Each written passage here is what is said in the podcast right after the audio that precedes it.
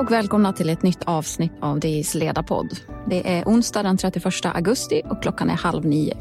Jag heter Frida Wallnor och här i studion har jag med mig mina kollegor Tobias Wikström och PM Nilsson. God morgon. God morgon. God morgon. Så vi ska prata om det politiska läget och spelet inför slutspurten av valrörelsen. Och mycket kommer att handla om Sverigedemokraterna och Moderaterna kan jag avslöja, vilket inte är någon större skräll. Eh, för trenden i opinionsmätningarna den senaste tiden har ju visat att SD nu är större än Moderaterna i de flesta mätningar. Eh, PM, hur tycker du man ska se på den här trenden? Eh, vilken kraft är starkast här? Är det SD som växer eller är det Moderaterna som tappar? Ja, det är väl mest Moderaterna som trappar. SD har ju inte växt så jättemycket. Eh, de låg på de här nivåerna före pandemin, till och med över det tror jag. Eh, så att det är inget 20 läget är inte nytt för dem. Inför förra valet så tror jag att de låg ännu högre.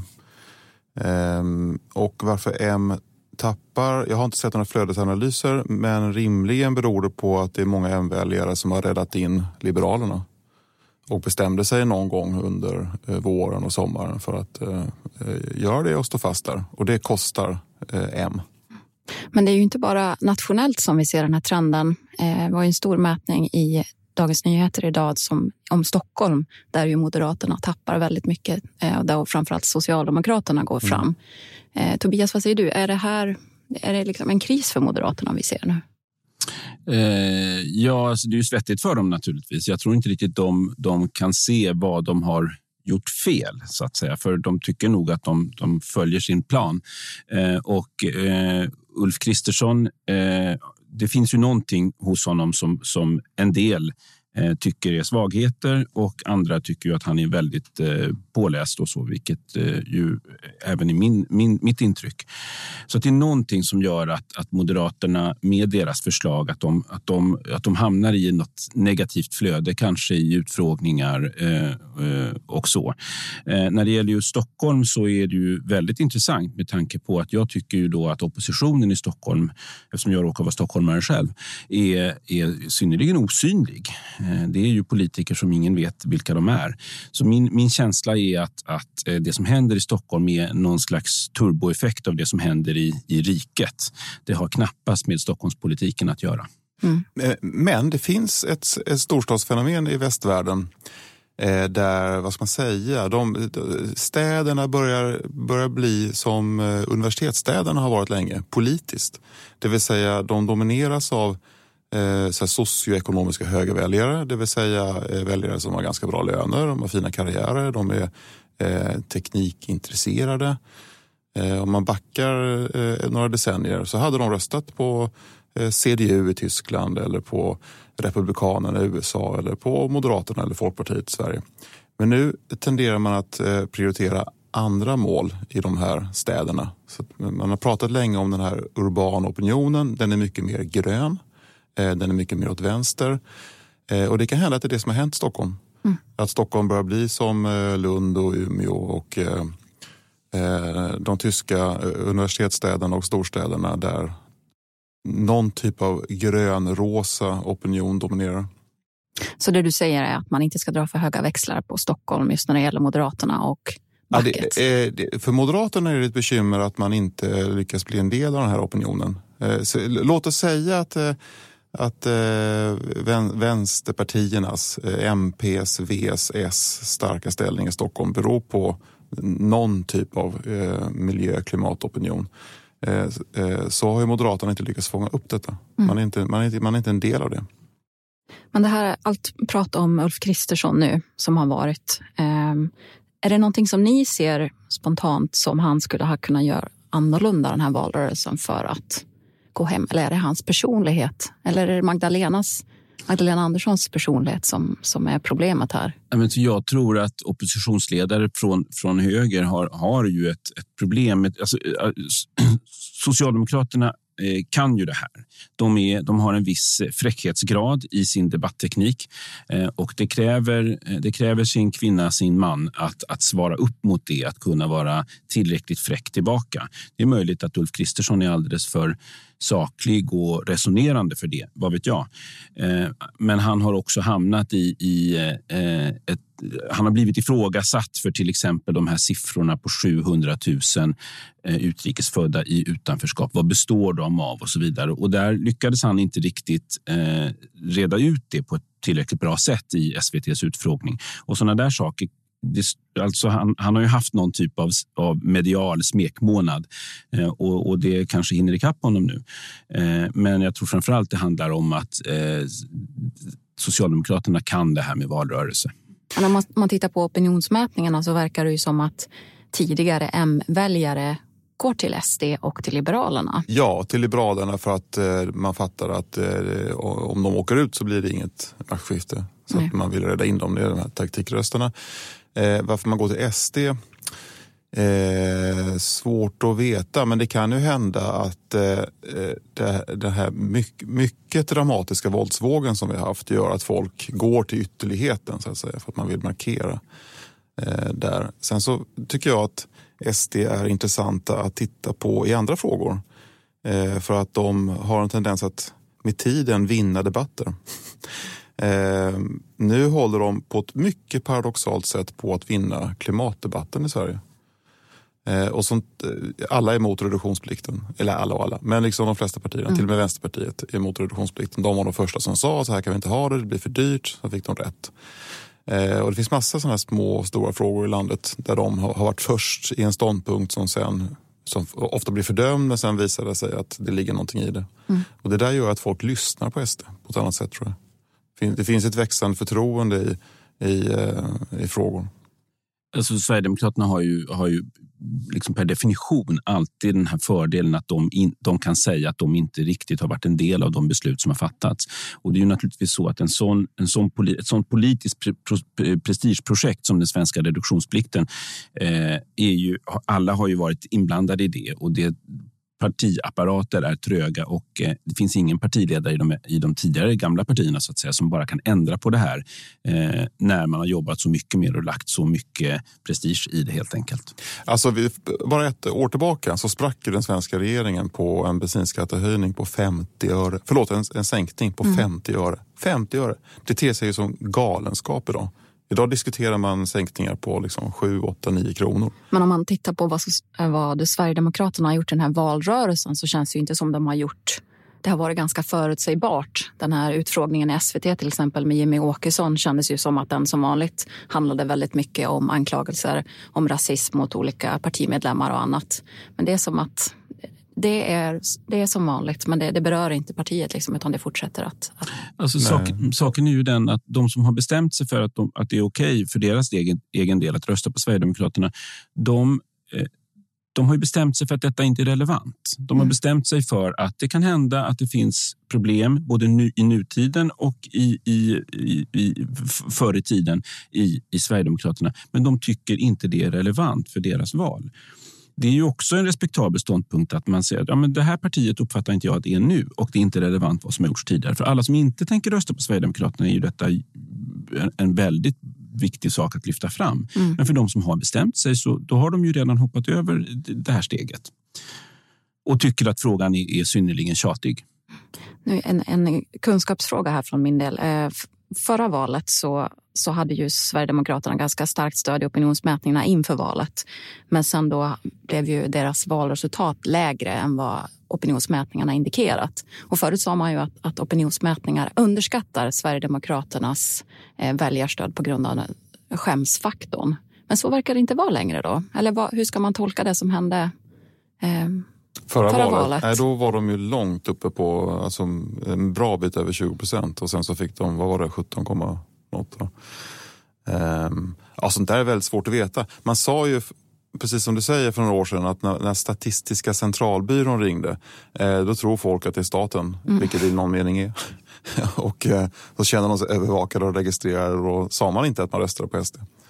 Eh, men, men det kan hända att det finns någon protestfaktor där, att man säger SD när de, eh, när de ringer och sen vid, vid valbåset så blir valet lite annorlunda. Ja, det är bara spekulationer mm. såklart. Och det, det, det gäller ju också det här om vad de här mätningarna nu betyder för de som hade tänkt att eventuellt lägga sin stödröst på Liberalerna.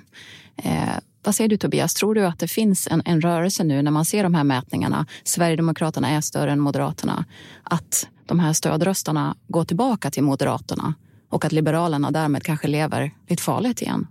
Ja, alltså det, det är väl en helt rimlig ståndpunkt att man...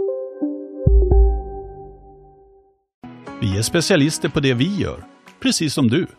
Därför försäkrar vi på Swedea bara småföretag, som ditt.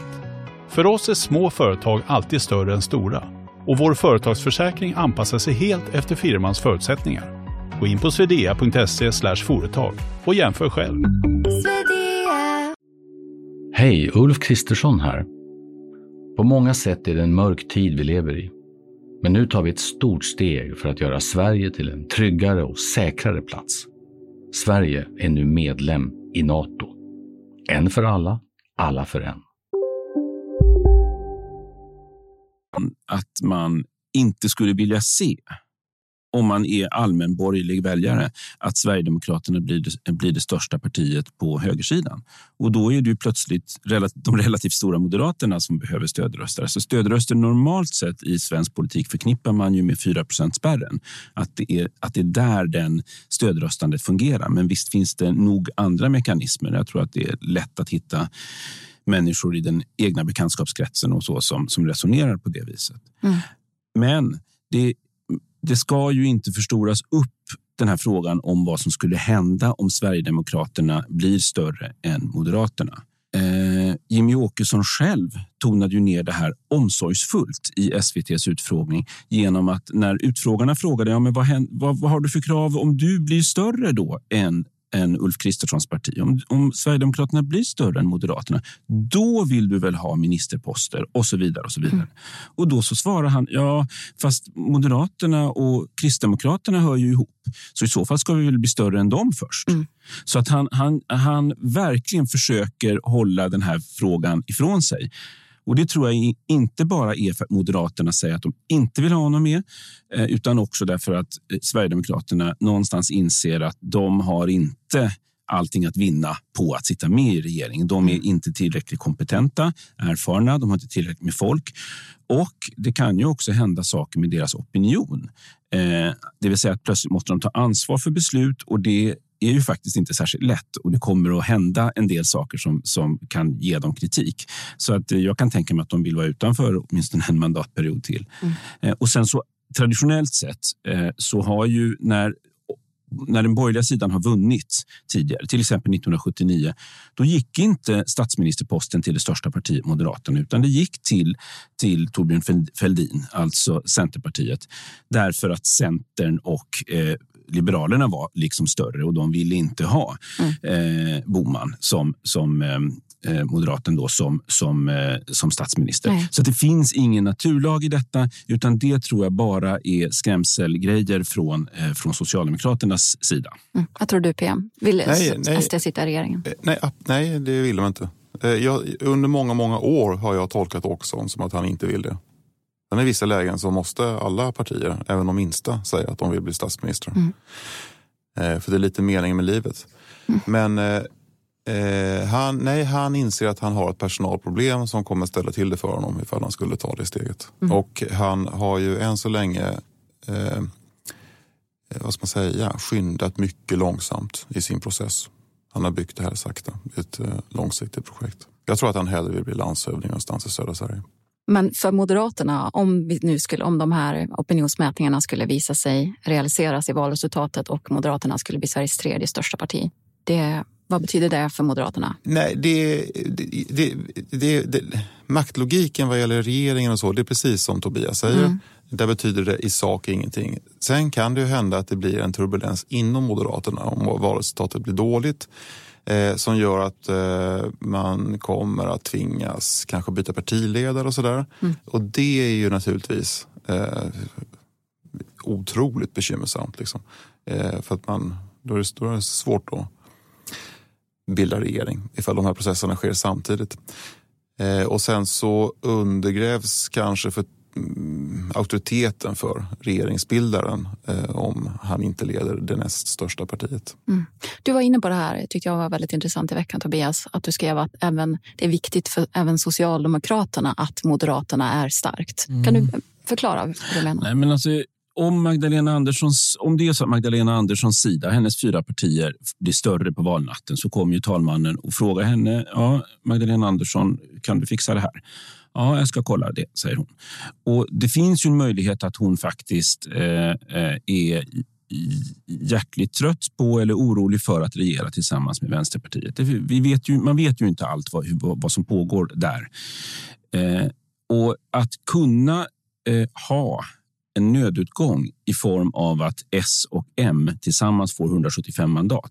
Det är nog en, en, skulle vara en, styrke, en styrkeposition för henne. Att hon i förhandlingar kan säga att ja, duger inte det här så kan jag göra upp med Ulf. Mm. Eh, alternativt att om det verkligen är ett allvarligt läge då hon känner att nu kan jag inte hålla på med de här småpartierna längre. Att ha, alltså så att säga för Sveriges bästa. Mm. Att kunna då driva igenom saker tillsammans med Moderaterna utan att behöva vare sig centerpartister eller så där, Det skulle ju vara en styrkeposition för henne. Och just nu stå, så i mätningarna så har S och M tillsammans 175 mandat. Jag mm. tror inte hon vill att Moderaterna ska sjunka så mycket så att de inte får 175 tillsammans.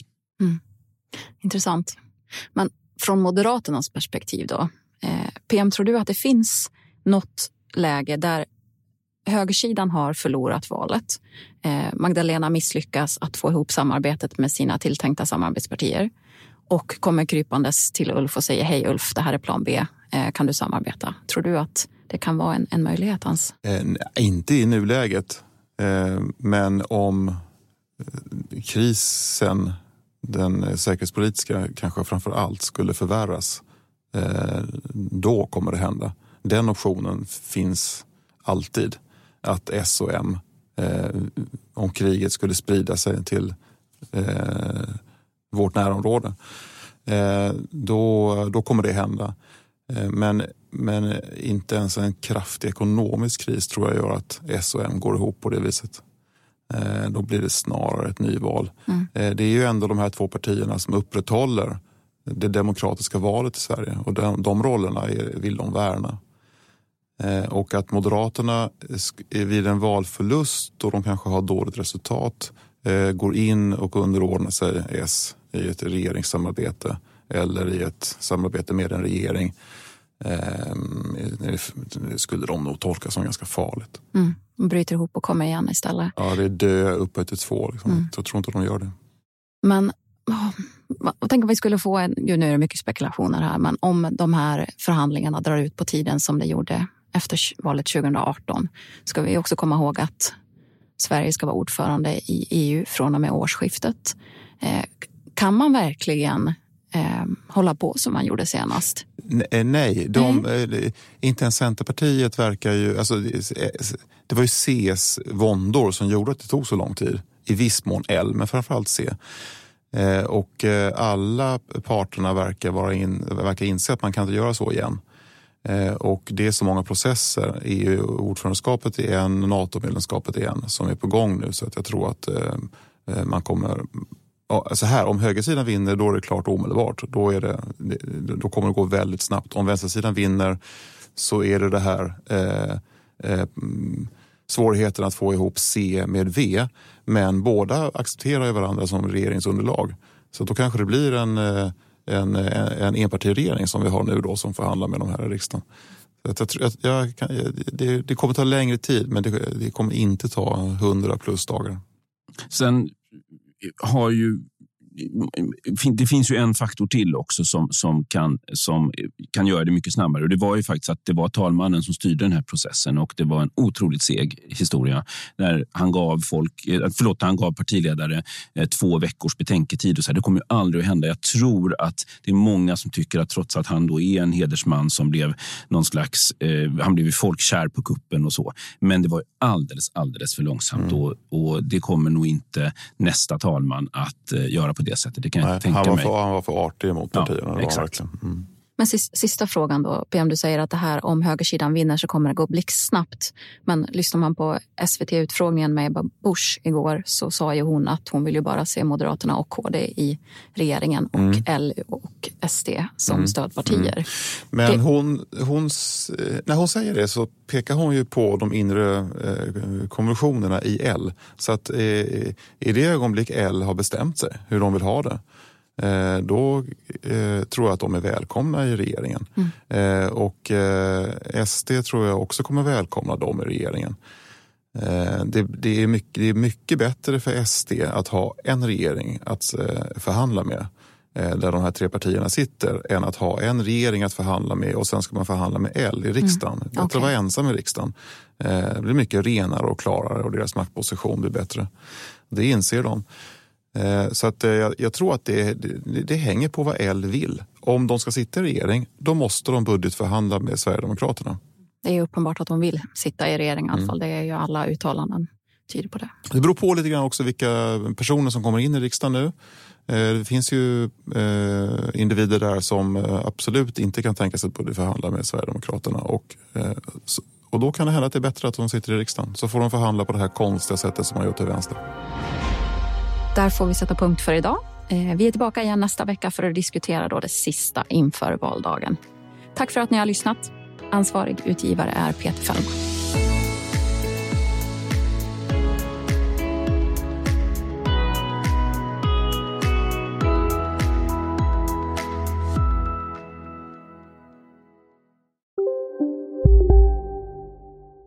Där det finns ett samhälle, där finns det brott.